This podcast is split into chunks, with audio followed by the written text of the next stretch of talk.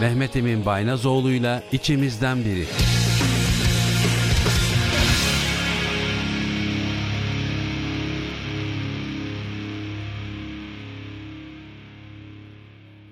Trakya Üniversitesi Radyosu Radyo Güne Bakan'da yeni bir Mehmet Emin Baynazoğlu içimizden biri programına hoş geldiniz. 106.2 frekansından sizlere ulaşan yayınımızı ayrıca PowerApp uygulamasında Kampüs Radyoları bölümünden ya da üniversitemizin ana sayfasından canlı dinle butonundan dinleyebileceğinizi hatırlattıktan sonra bildiğiniz gibi her hafta Mehmet Emin Baynazoğlu ile içimizden biri programında farklı konuk ve konularımızla bir araya gelip sohbet ediyoruz hatırlayacaklardır daha önce programımızı dinleyenler. Amacımız farklı alanlardan konukları stüdyomuzda konuk ederek onlara uzmanlık alanlarıyla ilgili konularda konuşmak ve böylelikle dinleyicilerimizle konuklarımız arasında bir köprü kurarak onların sizler tarafından daha yakından tanınmasını sağlamak ve yine bu konularla ilgili toplumda bir farkındalık yaratmak. Programda konuştuğumuz konu ve konuklarımızla ilgili sormak istediğiniz tüm soruları bize 0284 235 44 41 numaralı Trakya Üniversitesi Radyosu Radyo Güne Bakan WhatsApp hattından ya da Türkçe karakter kullanmadan Radyo Güne Bakan trakya.edu.tr elektronik posta adresinden gönderebileceğinizi hatırlattıktan sonra bugünkü konuğumuzu sizlere tanıtmak istiyorum. Bugünkü konuğumuz aslında 10 parmağında 10 marifet desek yeridir. Kendisi Trakya Üniversitesi Uygulamalı Bilimler Fakültesi Yönetim Bilişim Sistemleri Bölüm Başkan Yardımcısı Erdem Demiröz. Erdem Hocam hoş geldiniz. Hoş bulduk. Çok teşekkür ediyorum nazik davetiniz için. Vakit ayırdığınız için çok gerçekten kısıtlı vaktiniz olduğunu biliyorum. Çünkü bizim daha önceki toplantılarımızda da çok kısıtlı sürelerle bir araya gelmemize rağmen çok verimli, etkili toplantılar yapmaya gayret ettik. Yine şu anda da buna benzer bir toplantı aslında gerçekleştiriyoruz. Onun için ayağınıza sağlık bizim davetimizi kırmadınız ve buraya geldiğiniz için. Kendinizi tanıtır mısınız lütfen? Ee, evet elbette ki. İsmim Erdem Demiröz. Trakya Üniversitesi Yönetim Bilişim Sistemleri bölümündeyim. Uygulamalı Bilimler Fakültesinde. Evet aslında iki farklı bölüm var Trakya Üniversitesi bünyesinde. Bir diğeri de Keşan Yusuf Çapraz Uygulamalı Bilimler Yüksekokulu'nda. Evet. 2023-2024 eğitim öğretim yılı itibariyle güz yarı itibariyle bir herhangi bir aksama olmazsa şayet biz de ilk öğrencilerimizi almaya başlayacağız. Çünkü bizim adımız da işletme bilgi yönetimi iken yönetim bilişim sistemlerine evrildi. YÖK'ün isteğiyle. Onun için aslında aynı bölümün öğretim üyeleri olacağız önümüzdeki yıl itibariyle diyebiliriz. Evet, evet, yönetim bilişim sistemleri ama siz fakültesiniz. Biz fakülteyiz. Evet. Ee, bu anlamda hem yönetim alanında hem de bilişim alanında evet. yetkili ve yetenekli öğrenciler yetiştirmeye çalışıyoruz. Yani nihai hedefimiz bu. Hı hı. Ee, nitelikli iş gücüne katkı sunmaya çalışıyoruz fakültedeki hocalarımız olarak. Tabii bunun haricinde akademik görevlerimizin dışında diyeyim biraz da ilgilendiğim farklı konular da var. Bunlardan bir tanesi de basında da geçmişti zaten. Hı hı. Trakya Üniversitesi UNESCO Kaliteli Eğitim ve Dijital Dönüşüm Kürsüsü. 2021 Şubat ayında Şubat aslında ayında. bu süreç biraz daha erken başladı. Biz 2019 son çeyreğinde diyebilirim aslında bu sürece başladığımızda. Trakya Üniversitesi Rektörlüğünde Yaşagül Hanım, Yaşagül ikinci programı bize aslında fikir verdi. Hı-hı. Böyle bir program var hani düşünür müsünüz diye. Hı-hı. Onun öncülüğünde o vesile oldu e, evet, yani aslında bu programın oldu, o e, Trakya Üniversitesi ile buluşmasına. Tabii tabii tabii. O, o, o söyledi. Hem Unitiv'in programlarının olduğu hem Unichair programlarının ve bize uygun olan hani öncelikle Unichair programı. Kısaca bu programdan bahsedeyim ben. Zaten bugünkü herhalde programımız da biraz bunun üzerinde ya da bu ya önem, önemli bir, gibi. önemli bir konu gerçekten. Yani bunun toplum tarafından da bilinmesi gerekiyor. Hı. Dinleyicilerimizin de gerçekten ilgilenebileceği bir konu olduğunu düşünüyorum. Onun için daha geniş kitlelere ulaşmasını sağlamak adına böyle bir programda sizi konuk etmeyi uygun gördük o açıdan. Çok teşekkür ediyorum. Tekrar Hı-hı. tabii UNESCO gibi çok önemli dünya çapında bilinen bir kurum ve kuruluşla beraber Trakya Üniversitesi'nin ismini e, ve logosunu yan yana getirmeyi başarmak çok büyük bir mutluluk bizim için. Evet, ee, Türkçe bir... Türkçe açılımı neydi? Birleşmiş Milletler Eğitim Bilim Kültür Örgütü evet, galiba değil evet, mi? Evet, evet. Çok Gene, etkin etkin bir örgüt. Tabii ya Birleşmiş Milletler'in bir alt ve eğitim ve kültür alanında işte faaliyet dünyada gösteren. evet barışı yaymak amacıyla evet. faaliyet gösteren özellikle minority dediğimiz dezavantajlı grupları evet, e, hedef alan. Tabii. Ama e, genel çerçevede de baktığımızda Birleşmiş Milletler'in bu Hı-hı. 16 tane 17 tane belirlenmiş sürdürülebilir kalkınma hedefleri var. Hı-hı. Bunların Hı-hı. çerçevesinde hareket eden bir misyonu var öyle söyleyeyim. Evet evet evet. E, bunun içerisinde işte açlığı sonlandırılması, kadın erkek eşitliği ya da cinsiyet eşitliği Hı-hı. daha kapsamlı bir şekilde. Hı-hı. Biz bu noktada bunların bir tanesine aslında odaklandık. Bu da Hı-hı. kaliteli eğitim. Sürdürülebilir kalkınma hedeflerinden dördüncüsü kaliteli eğitim. Hı hı. Tabii biz biraz hani konudan konuya atlamış gibi oluyoruz ama ben kendi uzmanlık alanım açısından kaliteli evet. eğitimi önemsiyorum.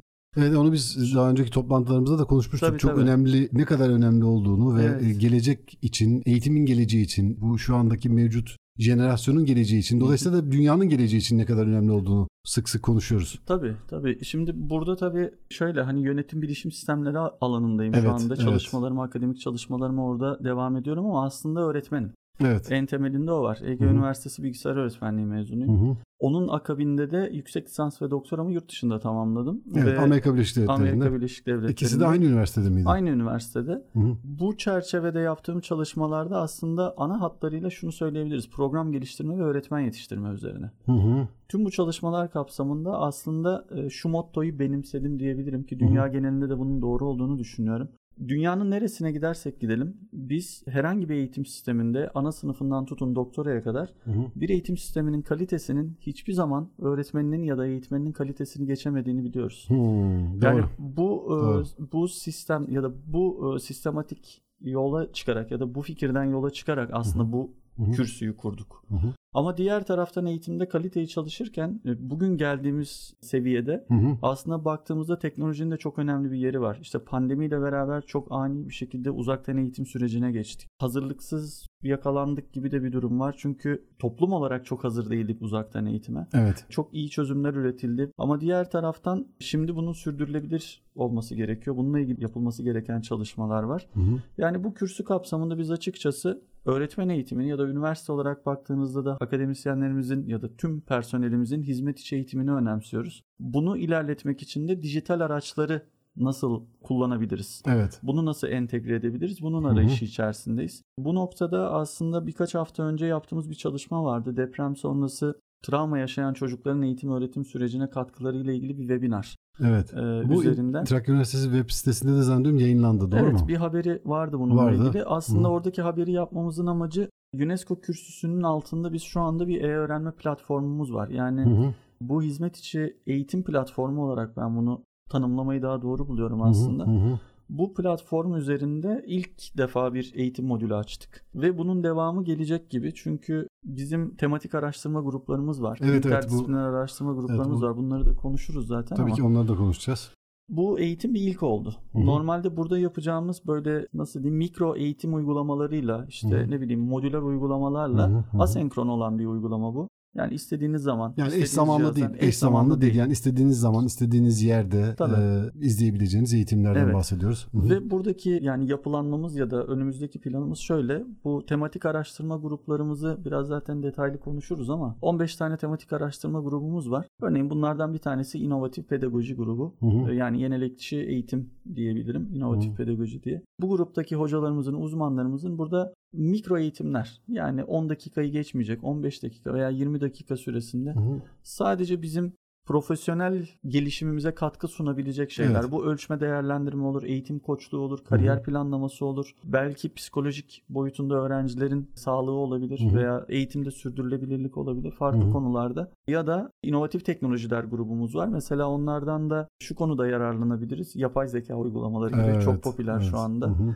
Ya da siber güvenlik gibi. Hı hı. Hani bu platform altında açacağımız e-öğrenme uygulamalarıyla ya da mikro uygulamalarla aslında küçük bir hizmet içi eğitim platformu kurmaya amaçlıyoruz. Bu da UNESCO kürsüsünün hı. amaçlarından bir tanesi. Bu arada tabii diyorum ya konularımız çok fazla. Hı hı. Konudan konuya da biraz atlıyor gibi bir durumumuz var. Ya şöyle Anladım. e, ben onu söyle en başında zaten açılışta programın açılışında da söyledim şimdi on bu laf olsun diye söylemiyorum gerçekten on Teşekkür par- parmağında on marifet ve çok ciddi katkı sağlamaya çalışan, katma değerli işler yapmaya çalışan, gayret eden bir öğretim üyesisiniz. Biz de tanıştık. Çok fazla olmadı aslında tanışalı. Telefonda önce tanışmıştık. Bu UNESCO kürsüsü vesilesiyle, bu bizim çalışma grupları vesilesiyle bunlardan bir tanesi işte yaratıcılık ve liderlik, inovasyon ve girişimcilik bunlardan iki tanesi de ben de aslında varım. Bu toplantılarda Aktif da yüz yüze e, tanışmış olduk. Sonrasında işte bu tanışıklığımız, birliklerimiz devam etti. Ne yapabiliriz işte düşüncesiyle hareket ettiğiniz için sizin bu işte Amerika Birleşik Devletleri'ndeki eğitiminiz sonrasında gördüğünüz yani orada gördüğünüz derken eğitim hayatınızın tamamında aslında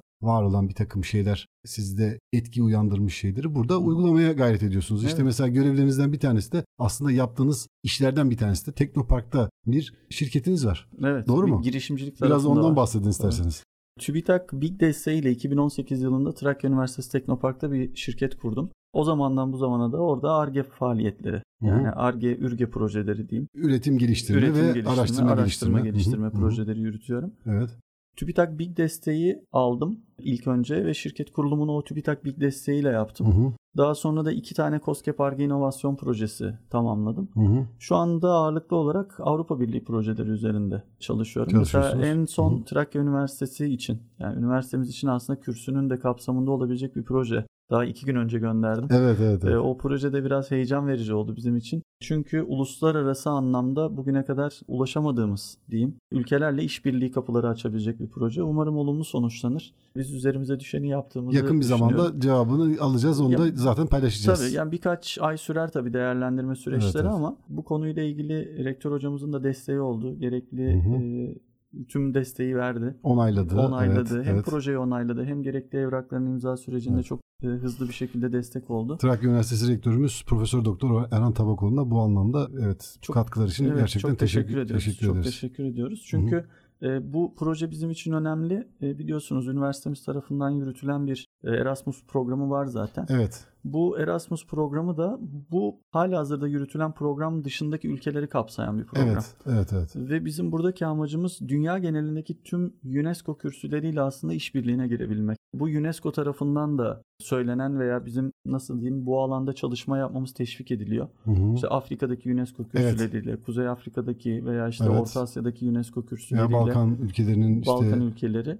Şimdi bu Erasmus programı tabii yani genel olarak hepimizin bildiği bir gerçek var. Bunlar finansal güce de dayanıyor. Yani Evet, bütçelendirmemiz gerekiyor bu hareketlilikleri, Hı hı. işte ikili işbirliklerini, projeyle ilgili yapılması gereken harcamaları ve Erasmus bunun için güzel fırsatlar sunuyordu. Hı hı. Ee, Biz de bunu değerlendirmeye çalıştık. Hı hı. Başvurumuzu yaptık. Bakalım hayırlısıyla eğer uygun olursa yani ülkemizi şöyle söyleyeyim Asya, Afrika, Avrupa Evet var. Orta, Orta Asya'da var yani doğru. böyle 3 3 4 kıtaya aynı anda açmış Yayılmış olacağız. tabii. Bir anda bir anda. Bir Evet, anda bu çok açmış önemli. olacağız. Yani uluslararasılaşma bir e, üniversite için hele ki böyle bir misyonu olan bir üniversite için Trakya Üniversitesi 41. yılımız aslında bu yıl. Çok önemli, çok değerli işler. Onun için gerçekten ben e, hem üniversite adına hem de kendim adına size teşekkür ediyorum. Ben de bunun bir tarafında yer almaya zaten en sonki toplantımızda e, konuşmuştuk. Şimdi UNESCO kürsüsünden söz ettik. Bunun uluslararası camiada bir karşılığı var tabii ve onun toplantıları oluyor. İşte 2022 yılında zannediyorum siz bu toplantıya Paris'te yapılan e, UNESCO'nun UNESCO kürsülerinin 30. yılı toplantısına katıldınız. Hatta Evet. bu web sitesinde de yayınlanmıştı onu da hatırlıyorum. Hı hı. Emine Hoca ile birlikte Evet, katılmıştınız evet, zannediyorum değil mi? evet. Buyurun. Şimdi tabii biz kürsümüzün faaliyetlerinden mümkün olduğunca paydaşlarımızı bilgilendirmeye çalışıyoruz. Farklı ortamlarda, sosyal medyada veya rektörlüğümüzün web sitesi aracılığıyla ya da yerel medyada çıkan haberlerle. Hı hı. Ama öncelikle genel kapsamıyla bu UNESCO kürsüsü ne ve biz bu toplantılara katılmakla neler ya da üniversitemizin nelere katmaya çalışıyoruz ya da neler katıyoruz buna bir bakabiliriz. Hı hı.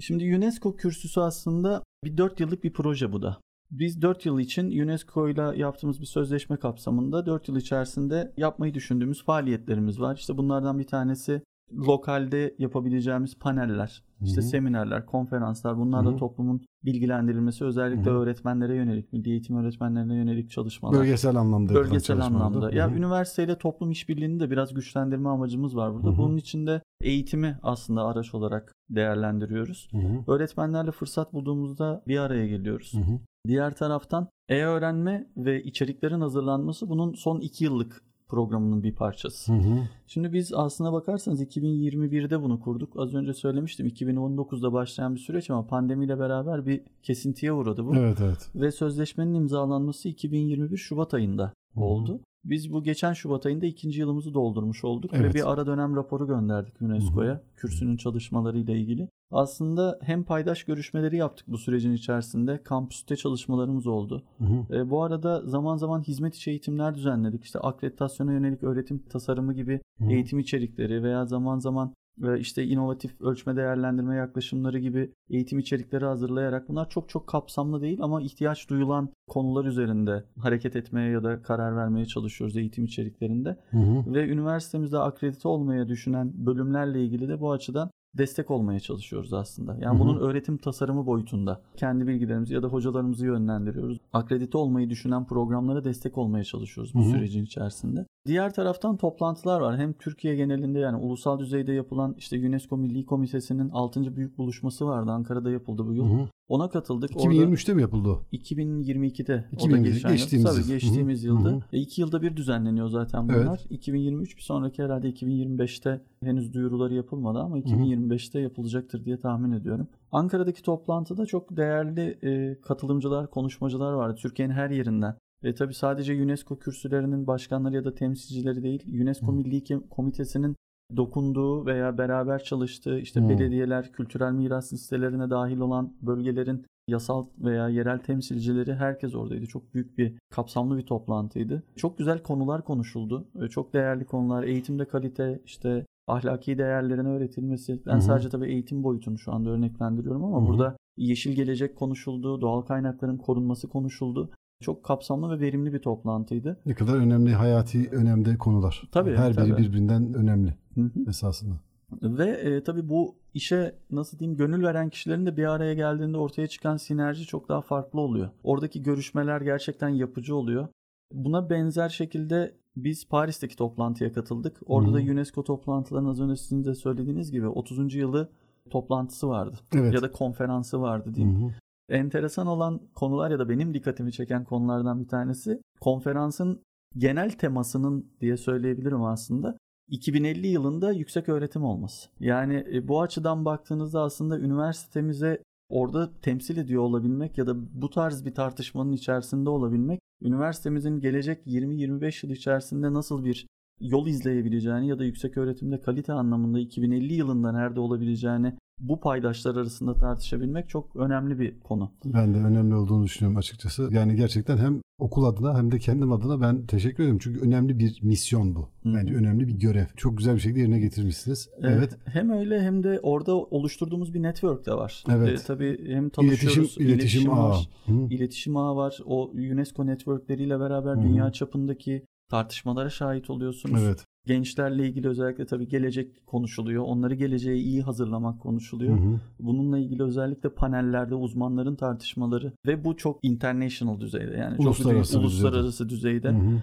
Amerika'dan tutun işte Caribbean bölgesine kadar, Karayiplere kadar, hı hı. E, Güney Amerika, Arjantin'den tutun ne bileyim Mısır'a kadar, Güney Afrika'ya kadar, Japonya'ya kadar bir sürü kişiyle eğitim konuştuk ve yüksek öğretimi konuştuk. Evet. Tam da uzmanı olduğumuz ya da ihtiyacımız olduğu alanı konuştuk. Hı hı. E tabi burada pandemi de var bu sürecin içerisinde yani pandeminin etkileri dünyayı etkiledi şu anda. Hı hı. Ve buradaki uluslararası düzeyde yapılan çalışmaları gördüğünüzde biraz daha kendimizde konumlandırabiliyoruz aslında. Örneğin Afrika ülkeleri gibi ülkelerde pandeminin etkilerinin ya da eğitim öğretim sürecine yansımalarının biraz daha fazla olduğunu görüyorsunuz. Ya da hı hı fazla olduğundan ziyade belki bunu teknoloji odağında çalışmak gerekiyor. Çünkü eğitim teknolojileri de bu sürecin çok önemli bir parçası. Uzaktan eğitime geçtik. İşte evet, Zoom gibi, evet, Teams evet, gibi evet. uygulamalar var. Hı-hı. Bir yandan asenkron eğitim modelleri geliştirilmeye Hı-hı. çalışılıyor. Birbiriyle böyle iç içe geçmiş bir süreç atlattık. Evet. Bu da uluslararası düzeyde fark yaratıyor. Evet. Şimdi Finlandiya eğitim modeli ağırlıklı olarak ki ne zaman eğitimden konu açılsa zaten konu bir şekilde dönüyor dolaşıyor, dönüyor, dolaşıyor oraya geliyor. Evet, Finlandiya'ya geliyor. Ama Orada bile tanıştığımız kişiler veya dinlediğimiz panellerde ne bileyim Metaverse gibi uygulamaların ya da işte sanal gerçeklik uygulamalarının eğitime entegrasyonu konuşulurken örneğin diğer ülkelerde ya da Afrika ülkelerinde daha bilginin belki de oluşturulması, kendi kültürlerinin hmm. öğretilmeye çalışılması gibi. Mesela ben kendi adıma böyle bir karşılaştırma yapabildiğimi söyleyebilirim açıkçası. Hmm. Hmm. Yani önde gelen Güney Kore gibi, Finlandiya gibi özellikle bu PISA ve TEAMS gibi skorlarda yüksek evet. puanlar elde eden ülkelerin teknolojiyi çok daha etkin ve verimli olarak kullandıklarını görüyoruz bu süreçte. Görüyoruz. Evet evet. Yani onların farkı oluşturmasının sebebi de aslında o. Singapur, aslında Güney Kore, o. Finlandiya doğru mu? Tabii tabii tabii. Yani amacına uygun kullanabiliyor. E, yeterli yatırımı yapıyorlar ve evet. bu yatırımı harcamaktan ziyade bir yatırım olarak az önce söylediğim Hı-hı. gibi yatırım Hı-hı. olarak görüyorlar. Çünkü çocuklara yaptığınız ya da eğitime yatırım. yaptığınız harcama ya da harcadığınız para bir harcama değil bana göre. Tamamen çok ciddi, yatırım. çok önemli bir yatırım ve geleceklerine yatırım Tabii. yapmış oluyorlar. Tabii. Gelecek nesillerinin çünkü o şekilde en iyi şekilde yetişmesini sağlayacak bir altyapı oluşturmayı Tabii. bu sayede mümkün kılıyorlar. E şimdi ben mesela az önce konuştuk biraz da girişimcilik tarafımız var. İşte katma değerli ürün üretilmesi evet, evet. vesaire o boyutları konuşuyoruz, tartışıyoruz. Ancak sabah da bir podcast'te denk geldim. Şey diyor hiçbir dünya üzerinde hiçbir nasıl diyeyim nesne ya da herhangi bir şey insan beyni kadar yatırıma değerli ya da katma değer üretebilecek potansiyele sahip değil. Evet çok E, doğru bir tespit bence. Bu çok doğru bir tespit. Doğru bir tespit. Çünkü siz insan beynine yatırım yaptığınız sürece onun çıkartacağı katma değer ürünlerle çok çok daha fazlasını elde edebilirsiniz. sınırlarının nereye ulaşacağını tahmin bile edemezsiniz eğer doğru yatırımları yaparsanız. Tabii tabii. Yani işte eğitim onun için bu kadar hayati önem taşıyor. İşte biz de onun için Trakya Üniversitesi kürsüsünde eğitimde kalite arayışları içerisindeyiz aslında. Çok doğru bir şey yapıyorsunuz. Şimdi bu uzaktan eğitimden bahsettik. Asenkron yani eş zamanlı olmayan eğitimlerden bahsettik. Çevrim içi eğitimlerden bahsettik. Ve burada işte kendi alanında uzman olan kişilerin küçük küçük podcastler veyahut da videolar hazırlayarak toplumun işte öğrencilerin yararlanmasını sağlayacak bir platform oluşturmasını sağlamaktan Hı hı söz ettik. İşte bunların hepsi esasında bu söylediğimiz gelecek için yani yatırım yapılması gereken o gelecek için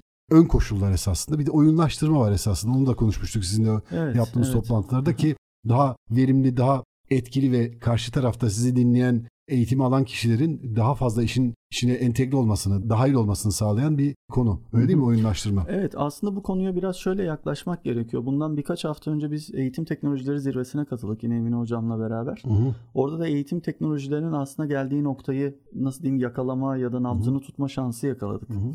Eğitim Neredeydi? İstanbul'da mı? İstanbul'da. İstanbul'da. Ee, eğitim teknolojileri zirvesi önümüzdeki yılda 2 Mart'ta ya da 4 Mart'ta Hı hı. yapılacağı söylendi. Yani Hı hı, dinleyicilerimiz onu da takip edebilirler. Çok verimli gerçekten. Eğitim ederim. teknolojileri zirvesi. Eğitim Her yıl başka farklı zirvesi. bir yerde yapılıyor? Hep İstanbul'da mı yapılıyor İstanbul'da. genelde? Tamam, İstanbul'da zaten internetten bir arama Tabii. motorundan arattığınız zaman zaten karşınıza çıkacaktır. Tabii zaten evet. duyurulara başlamışlardır. Evet. E, Bu senenin konusu yeni gerçeklik. Yani yapay zeka Hmm. uygulamaların eğitime yansımaları. Hı hı. E, ki bugün görüyoruz işte e, Midjourney gibi görsel tasarım oluşturabilen uygulamalardan ChatGPT 4 çıktı. Gündemi bayağı sarsan haberler duyuyoruz bununla Hı hı. ilgili. Hı hı. E, şimdi konuyu da çok dağıtmak istemiyorum bu noktada ama sabah bir tane haber vardı. İngiltere'deki uzmanlar akademik makale yazdırıyorlar Hı hı. ve bu hakemlik sürecinden geçip yayına kabul edilmiş. Ve hakemlerle Yapay zeka tarafından. Bunu Tabii. ben de ben de okudum o haberi. okumuşsunuzdur. Evet. Yani bu işte sadece bilimi etkileyen süreç ve eğitimi nereye etkileyecek? Bununla ilgili de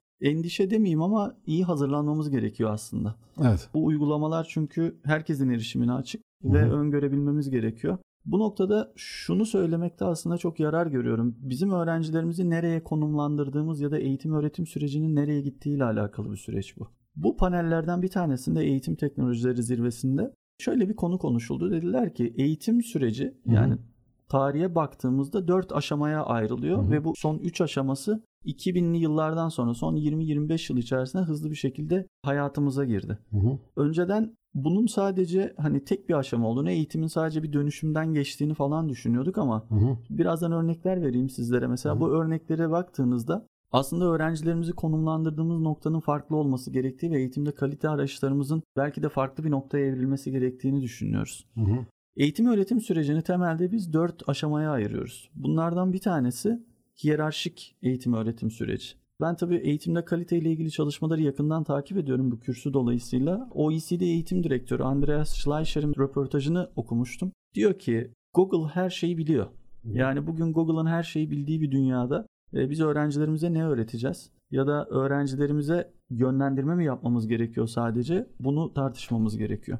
Diğer taraftan da başka bir tespiti daha var. Bu da bundan 20 yıl önce Evet. dünyanın sizi sadece bildiğiniz şeylerle ödüllendirdiği konusu. Hı hı. Yani bir şey bilmeniz sadece yeterliydi. Bundan Ancak- 20 yıl önce. Yani E tabii 2000'li bundan yılların 20 yıl başında. önce. Tabii tabii. Yani bir şey ben ne bileyim girişimciyim, bu konuyu iyi biliyorum dediğinizde bununla ilgili bir e, Bir karşılığı bir vardı. karşılığı vardı. Hı hı. Ama günümüze baktığınızda artık bilmenin yeterli olmadığını görüyorsunuz. Hı hı.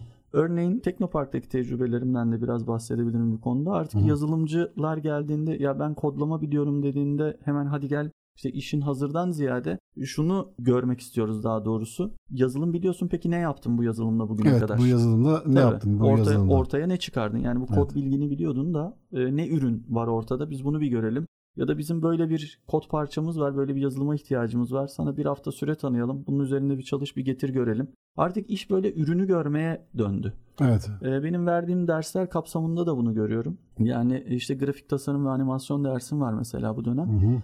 E, baktığınızda önceden grafik tasarımcıların ya da bu işle uğraşanların hani işte ben Photoshop biliyorum ya da ben Illustrator biliyorum, CorelDRAW biliyorum demeleri yeterliyken Hı hı. şu anda ya hangi logoyu tasarladın, hangi kurumsal kimliğe katkı sundun gibi sorularla yani toparlamak gerekirse dünya sizi artık bildiğiniz şeylerle ödüllendirmediği bir döneme girdik. Doğru. bildiklerinizle neler yapabildiğimiz çok daha önem kazandı bu sürecin içerisinde. Hı hı. Ancak bu geçiş süreci birinci aşamaydı. Eğitim öğretim sürecine geri dönecek olursak o hiyerarşik yapıdaydı. Hiyerarşik yapı dediğimiz eğitim öğretim sürecinde hoca bilginin tek kaynağıydı. Başka alternatifimiz yoktu. Hı hı. Öğretmen konu bilgisinin hakimiydi ve biz ondan gidip öğreniyorduk. Hı hı. Ve bütün eğitim öğretim süreci öğretmen üzerine kurgulanmıştı. Hı hı. Ve bizler ya da bizim jenerasyon bizden öncekiler de bu eğitim öğretim sürecinin içerisine yetiştiler. Evet. İlk öğretim, orta öğretim, lise ve üniversite olarak. Evet, evet. Ama bugün baktığınızda bir ilkokul öğrencisi bile Google aracılığıyla her şeye ulaşabiliyor. Doğru. Şimdi ChatGPT ile Anlık olarak da- anlık olarak ulaşabiliyor. Tabii. Evet. Bu eğitim öğretim sürecinde farklı bir evrilmeye yol açtı işte. Ee, mesela ikinci Ya olması gerekiyor. Olması gereken şu ev- evrilmeye zaten yol açması gerekiyordu. Evet, Tabii. buyurun. Ama bu hiyerarşik yapıda ısrar etmek şu anda işi nasıl diyeyim daha çok, çok zorlaştırıyor. Zorlaştırıyor. Ben Zorlaştırıyor. katılıyorum. Katılıyorum. Zorlaştırdığına katılıyorum. Evet. Eğitim öğretim sürecinin ikinci aşamasında ya da gelinen noktada collective learning vardı. Yani işbirliğine dayalı, birlikte öğrenme. işbirliğine dayalı. Ee, Hı hı. eğitim öğretimde ya da milli eğitim süreçlerine baktığınızda tabii bu teorik olarak konuşuyorum. Yani sınıftaki uygulamalar anlamında konuşuyorum. Hı hı. Müfredat ya da konu içeriği olarak değil. hı, hı hı. Baktığınızda şey gündeme geldi. İşte sistem eğitimleri, işbirliğine dayalı öğrenme, öğrenciler bir araya getirilsin, takım çalışmaları olsun, proje ödevleri verilsin. Hı hı. Bu ikinci nesil öğrenme jenerasyonuydu veya Hı hı. öğrenme süreciydi. Hı hı, Hiyerarşik yapıdan öğrenci merkezliğe dönüldü. hı hı. Bu süreçte artık ömrünün sonuna gelmeye başladı. Çünkü öğrenci profiliyle eğitim öğretim sürecindeki gelişmeleri eş zamanlı olarak değerlendirdiğinizde bunu görebiliyorsunuz. Hı hı. Üçüncü aşamaya geldiğimizde ise distributed learning diye bir şeyle karşı karşıyayız bugün. Yani, Yani, öğrenciler ya dağılmış öğrenme. Dağılmış öğrenme diyelim. Evet. Dağılmış öğrenme. Bu üçüncü jenerasyon öğrenme Hı süreci. hı, hı hı. Ya bu şekilde değerlendirebiliriz diye düşünüyorum. Hı hı. Dağılmış öğrenme sürecine baktığımızda ise öğrenci evet bir müfredat var önünde. hı. Alması gereken bir konu var. Örneğin bilgisayar mühendisliğini ele alalım. Hı hı. Aldıkları konular var ya da bizim yönetim bilişim sistemleri öğrencilerinin aldığı konular var. Hı hı. Ama öğrenciler ilgi duyduğu alanlarla ilgili farklı kaynaklardan bilgi edinebilecekleri bir döneme girdiler. Evet. İşte atıyorum sosyal medya reklamcılığı ile ilgilenen bir öğrenci gidip işte Coursera gibi, Udemy gibi uzaktan ve açık öğretim sistemleri, Massive Open Online Learning dediğimiz açık erişime olan Evet açık erişim kurslarla- olan kurslarla Online e, işte yani kurslarla. çok dü- düşük ücretli veya tamamen Tabii, ücretsiz, tabii. Tamamen e, ücretsiz yani halkın kurslarla. istediği zaman istediği yerden ulaşabileceği sadece internet erişiminin olduğu yerlerde ulaşabileceği bir e, eğitim platformlarından platformlarına bir değil eğitim platformlarından söz ediyoruz. Tabii. Evet. Ve süreç buraya evrildi. Aslında senkrondan asenkron eğitime dönüldü. Evet bizim o bahsettiğimiz çevrim içinden istediğiniz zaman girebileceğiniz e, Girebileceğiniz. eğitimlere Tabii. e, dönüştü. Tabii. Şimdi biz UNESCO kürsüsünde aslında bu hizmet içeriği öğrenme platformuyla bu üçüncü aşamadan giriş yapmaya çalışıyoruz bir noktada. Yani Hı hı. bunu hem üniversitemize hem hani bir deneme yanılma belki de belki işe yarayacak belki yaramayacak ama yapılan uygulamalarda bunun faydalı olduğunu görüyoruz. Hı hı. Öğrenciler açısından baktığımızda ise hem kendi öğrencilerimiz için lisans, yüksek lisans, doktora veya lise, ortaokul, ilkokul öğrencileri olarak baktığınızda ise hı. Hı hı. her yerden bilgiye erişebiliyor Evet. öğrenci. Evet. E İşte konu veriyorsunuz ne bileyim iklim değişikliği ile ilgili dersi veriyorsunuz ama onun haricinde ulaşabileceğim milyonlarca kaynak var internette. Evet. Bu distributed learning dediğimiz dağılmış öğrenme sürecini başlattı. Hı hı. Ve bu öğrenciler bunun içerisine doğdular ve bununla ilerliyorlar. Biz üniversiteler olarak ya da işte eğitim kurumları olarak sadece Hı hı. üniversiteler olarak sınırlamayalım Hı bunu. hı. Sadece Trakya Üniversitesi için de değil. Yani Hı hı. Türkiye'deki eğitim sistemi için geçerli. Hiyerarşik yapıda daha hala ısrar etmeye devam edersek bu süreçte zorluklarla karşılaşacağımız çok aşikar. Hı hı. Çünkü öğrencilerin beklenti ve ihtiyaçlarıyla uyum sağlayamayacağız yakın Hı. gelecekte. Evet. Çünkü üçüncü nesil eğitim öğretim süreci. Doğru. Bunun bir de dördüncü nesili var. Hı hı. Artık oraya da evrildi süreç. Dördüncü nesil eğitim öğretim süreci de distributed collective diye geçiyor. Yani dağılmış işbirliğine dayalı öğrenme. Dağılmış hiçbir. Şimdi öğrenciler zaten dağılmış olarak öğreniyorlar Hı hı. istedikleri yerlerden. Tamam. Bir de şunu gözlemliyoruz öğrencilerde. Sosyal medya aracılığıyla özellikle Hmm. ilgi duydukları alanda aynı ilgi alanına sahip kişilerle bir araya gelip öğrenmeyi yapılandırmaya çalışıyorlar. Evet. Bir öğrenci C Sharp öğrenmek istiyorsa sosyal Bir medyadan bu uygulama, grupları bir daha doğrusu bir Tabii, program diyelim. program, programlama dili. Bir programlama diyelim. Ee, bunu öğren ya da Photoshop diyelim Evet. işte tasarım programı. Bunu öğrenmek istiyorsa bununla ilgili kişilerin olduğu grupları takip ediyor. evet. Aynı ilgiyle duyan, aynı ilgi ya da aynı amaca yönelik Dolayısıyla orada bir çalışan e, bir online araya ortamda, geliyor. çevrim içi ortamda bir araya gelebiliyorlar. bir araya gelebiliyorlar. Şimdi bizim üniversiteler olarak ya da yani yüksek öğretimde kaliteyi konuşalım. Hı hı. Ee, üniversiteler olarak bu jenerasyonlar arasında ya da bu versiyonlar arasındaki farkı göz önünde bulundurup e, bir dönüşüm sürecine ayak uydurmamız gerekiyor diye düşünüyorum. Hı hı. Bu noktada biz işte hiyerarşik yapı geride kaldı. Bizim e, hocalar olarak ya da akademisyenler, öğretmenler olarak ilkokul sınıflarında da bu böyle. O bilginin tek sahibi olduğumuz o otoritemiz sarsıldı. Evet. O, o yok artık. Yani onun için e, şimdi hocalarımız ya da öğretmenlerimizden şunu duyuyorum bazen. Ya öğrenciler saygı duymuyorlar. Ya da işte böyle bir sürece evrildi. Öğretmen hani öğretmen de bir şey bilmiyor. O saygı gibi. duymaması aslında kişi e, Kişiyle alakalı kişinin şey de değil. alakalı kesinlikle değil. Aynen değil. katılıyorum. Yüzde yüz katılıyorum. Hı-hı. Tüm bunun nedeni ben de yetişkin eğitimlerine de giriyorum. Belki daha önceki toplantılarımızda da konuştuk. Yetişkin eğitimleri de veriyorum. Bu toplu konuşmaları yapıyorum. İşte yaş ortalaması 35-40 olan gruplara da konuşuyorum. Mesela 250-300 kişiye de konuşuyorum.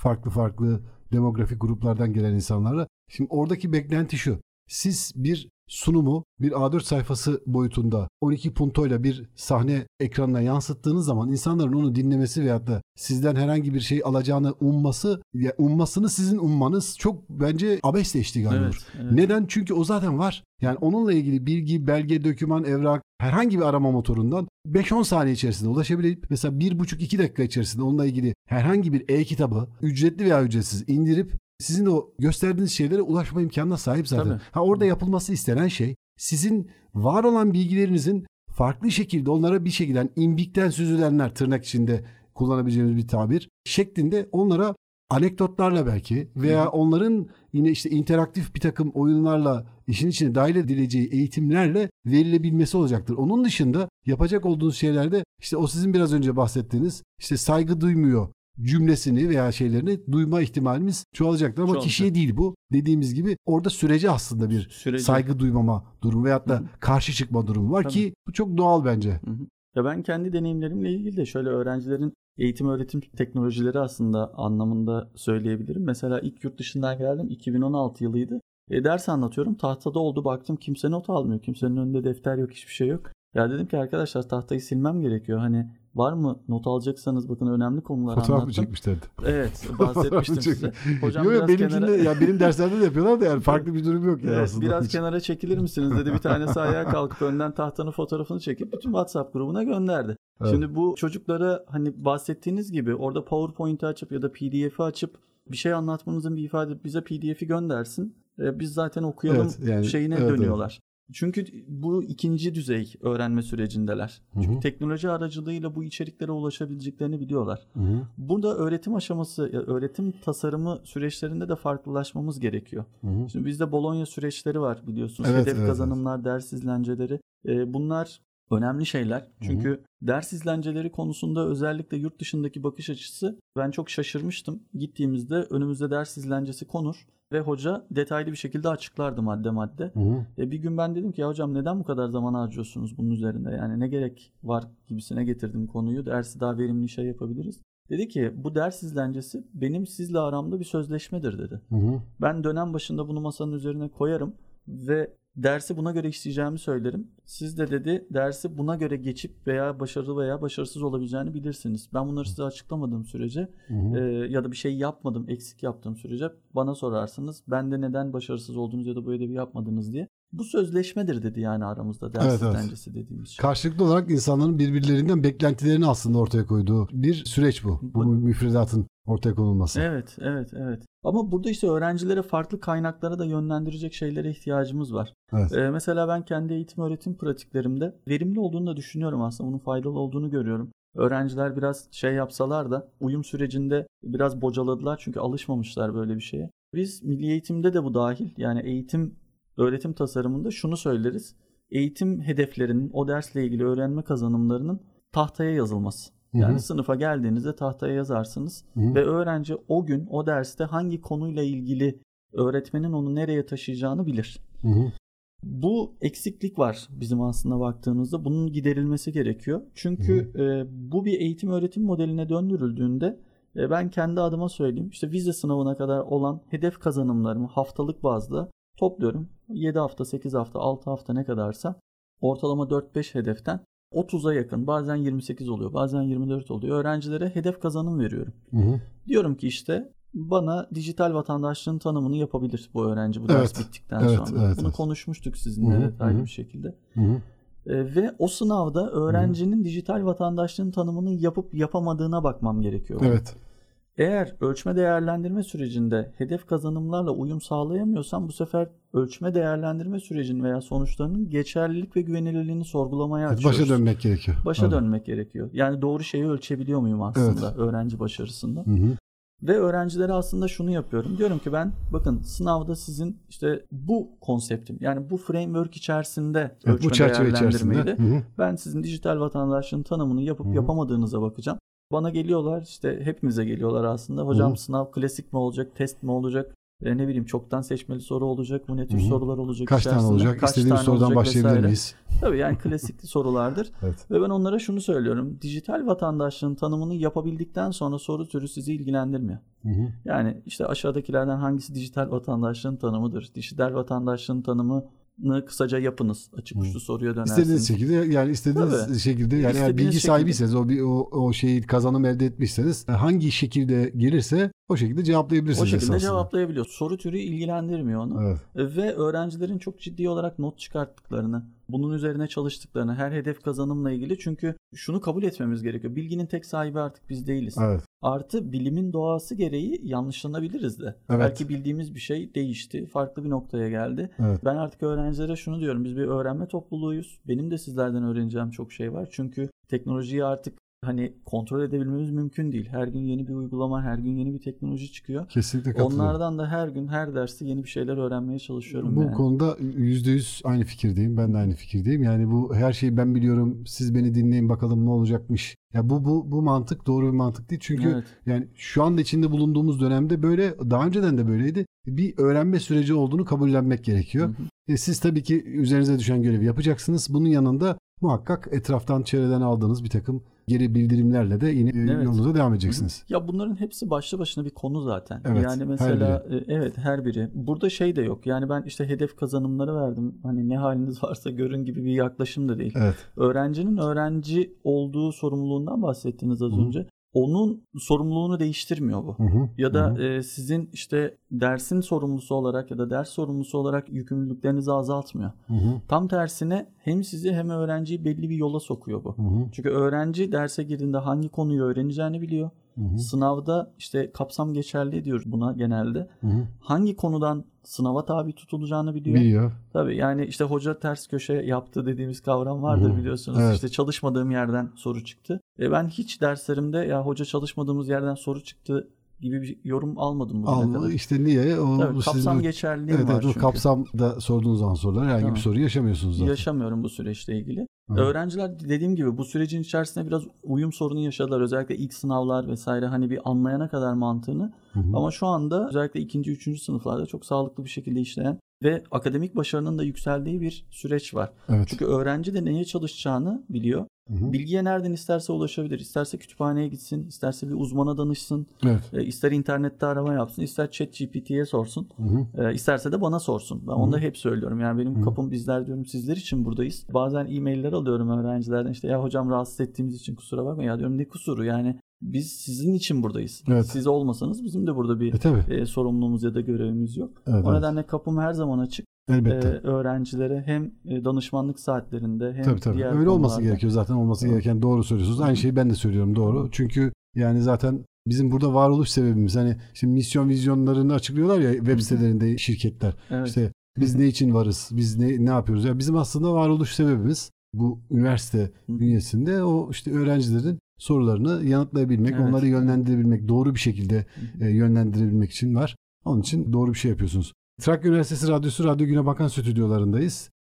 0284 235 44 41 0284 235 44 41 WhatsApp hattımızın numarası. Türkçe karakter kullanmadan Radyo Güne Bakan trakya.edu.tr adresinden veya 0284 235 44 41 nolu WhatsApp hattından bize konumuz ve konuğumuzla ilgili istediğiniz soru ve görüşlerinizi iletebilirsiniz. Bunları elimizden geldiğince yanıtlayıp size geri dönüş yapmaya çalışacağımızı hatırlattıktan sonra stüdyo konuğumuzun Trakya Üniversitesi Uygulamalı Bilimler Fakültesi Yönetim Bilişim Sistemleri Bölüm Başkan Yardımcısı Doktor Öğretim Üyesi Erdem Demiröz olduğunu hatırlatalım. Kendisiyle UNESCO Kaliteli Eğitim ve Dijital Dönüşüm Kürsüsü aynı zamanda kurucu başkanı kendisi. Onunla ilgili konuştuk. Kendisinin Teknopark'ta bir şirketi var, girişim Aloha. Doğru söylüyorum değil mi evet, hocam? Evet. Aloha adlı bir şirketi var, bir teknoloji şirketi var. Onunla ilgili ve bunun dışında eğitim teknolojileriyle ilgili konuştuk. Sayın hocam başka söylemek istediğiniz, eklemek istediğiniz herhangi bir şey var mı acaba?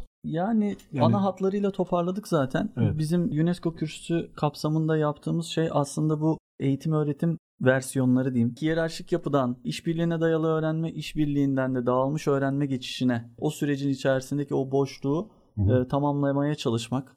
Hı hı. E, UNESCO kürsüsünde yapacağımız şeylerle. Bu arada onu söyleyecektim. Az önce bahsettiğiniz mikro eğitimler vesaire. Hı hı.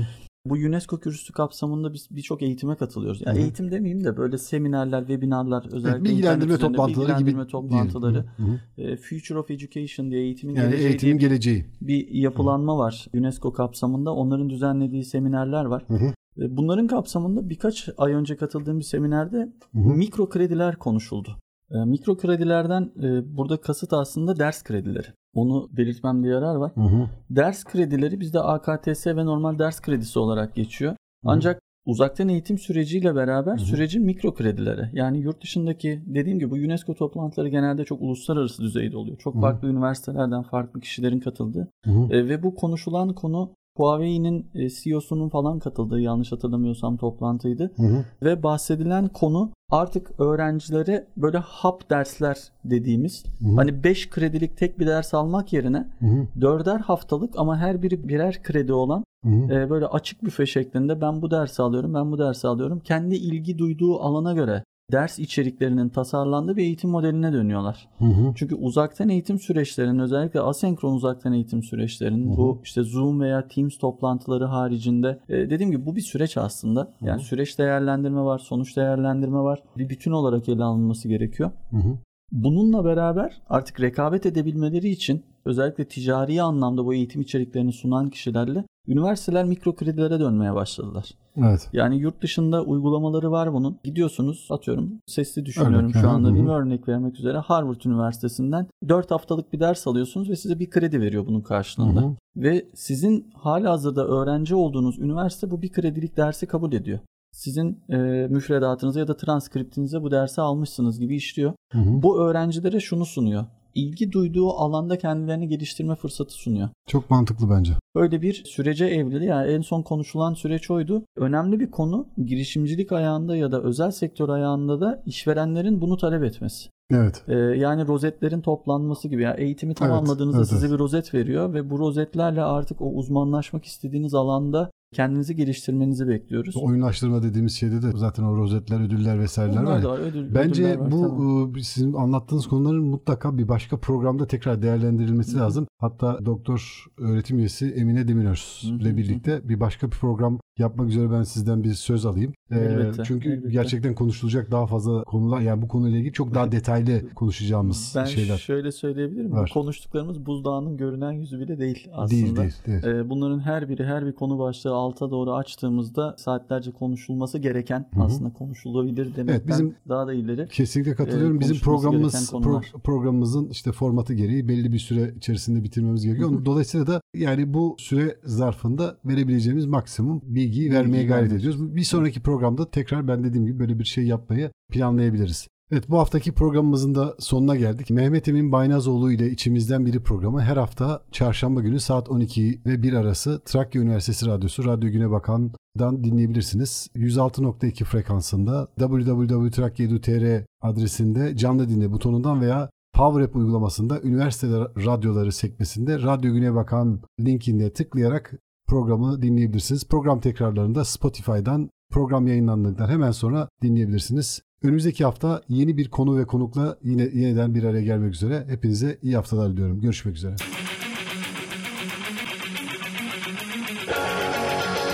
Mehmet Emin Baynazoğlu'yla içimizden biri.